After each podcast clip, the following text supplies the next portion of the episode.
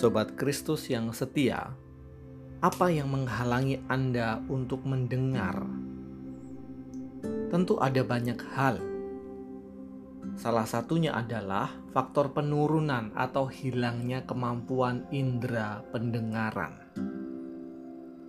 Di luar kendala tersebut, sebenarnya kita semua selalu dapat mendengar.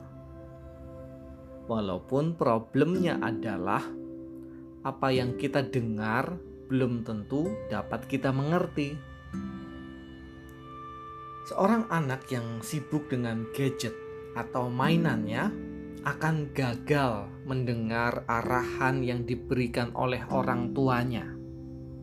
Sebab ia hanya mendengar secara sepintas lalu. Untuk dapat mendengar sekaligus mengerti dengan baik, kita harus melakukan apa yang disebut Husserl sebagai bracketing atau memasukkan ke dalam kurung dan sejenak melepas semua hal yang kita anggap penting. Ini yang disebut sebagai willingness. Lalu fokus dan membuka diri demi menerima informasi. Dan ini yang disebut sebagai mindfulness. Nah, di dalam Injil Gusti Yesus kerap kali mengingatkan para pendengarnya dengan berkata bahwa barang siapa bertelinga, hendaklah ia mendengar. Sebab agaknya banyak orang yang mendengar perkataan Gusti akan tetapi sama sekali tidak mengerti, menyalahartikan dan tidak memahaminya jadi Gusti Yesus mengajak muridnya untuk mendengarnya, mendengar ajarannya dengan baik. Dan menariknya, Gusti Yesus tidak sekadar berhenti di situ. Sebab Gusti Yesus juga menegaskan, melanjutkan bahwa sebagaimana diungkapkan dalam Matius 7 ayat 24, barang siapa yang mendengar perkataanku dan melakukannya, ia sama dengan orang bijaksana yang mendirikan rumahnya di atas batu. Sebaliknya, setiap orang yang mendengar perkataanku dan tidak melakukannya, ia sama dengan orang yang bodoh yang mendirikan rumahnya di atas pasir. Dengan demikian, terdapat perbedaan antara sosok yang kokoh dan sosok yang rapuh. Mereka yang mendengar firman Tuhan, mereka yang mengerti, memahami, dan melakukan firman Tuhan, maka dia kokoh secara spiritual.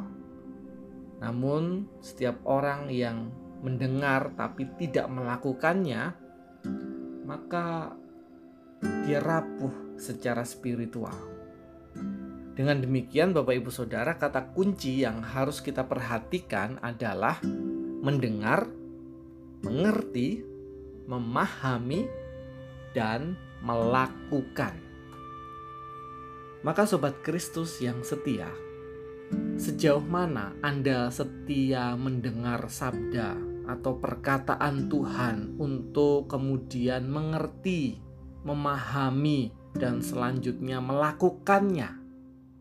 Di tengah konteks adaptasi kebiasaan baru, jika repetisi informasi atau pengulangan instruksi mengenai keharusan memakai masker, menjaga jarak, mencuci tangan selalu dilakukan secara terus-menerus supaya tercipta habit atau kebiasaan, apalagi dengan firman Tuhan.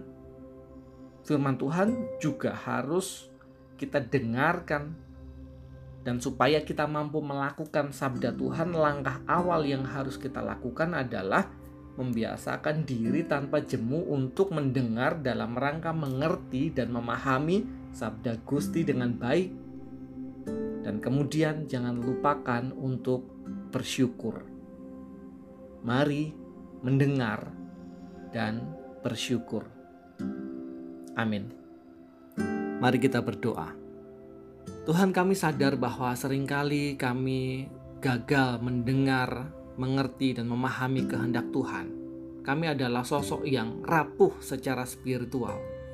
Namun kami memohon, mampukanlah kami Tuhan untuk berani hidup di dalam anugerah Tuhan yang memampukan kami untuk memahami, untuk mengerti, dan terlebih penting mendengar firman Tuhan dengan baik, dan kemudian mensyukurinya, supaya kemudian perubahan boleh hadir dalam hidup kami.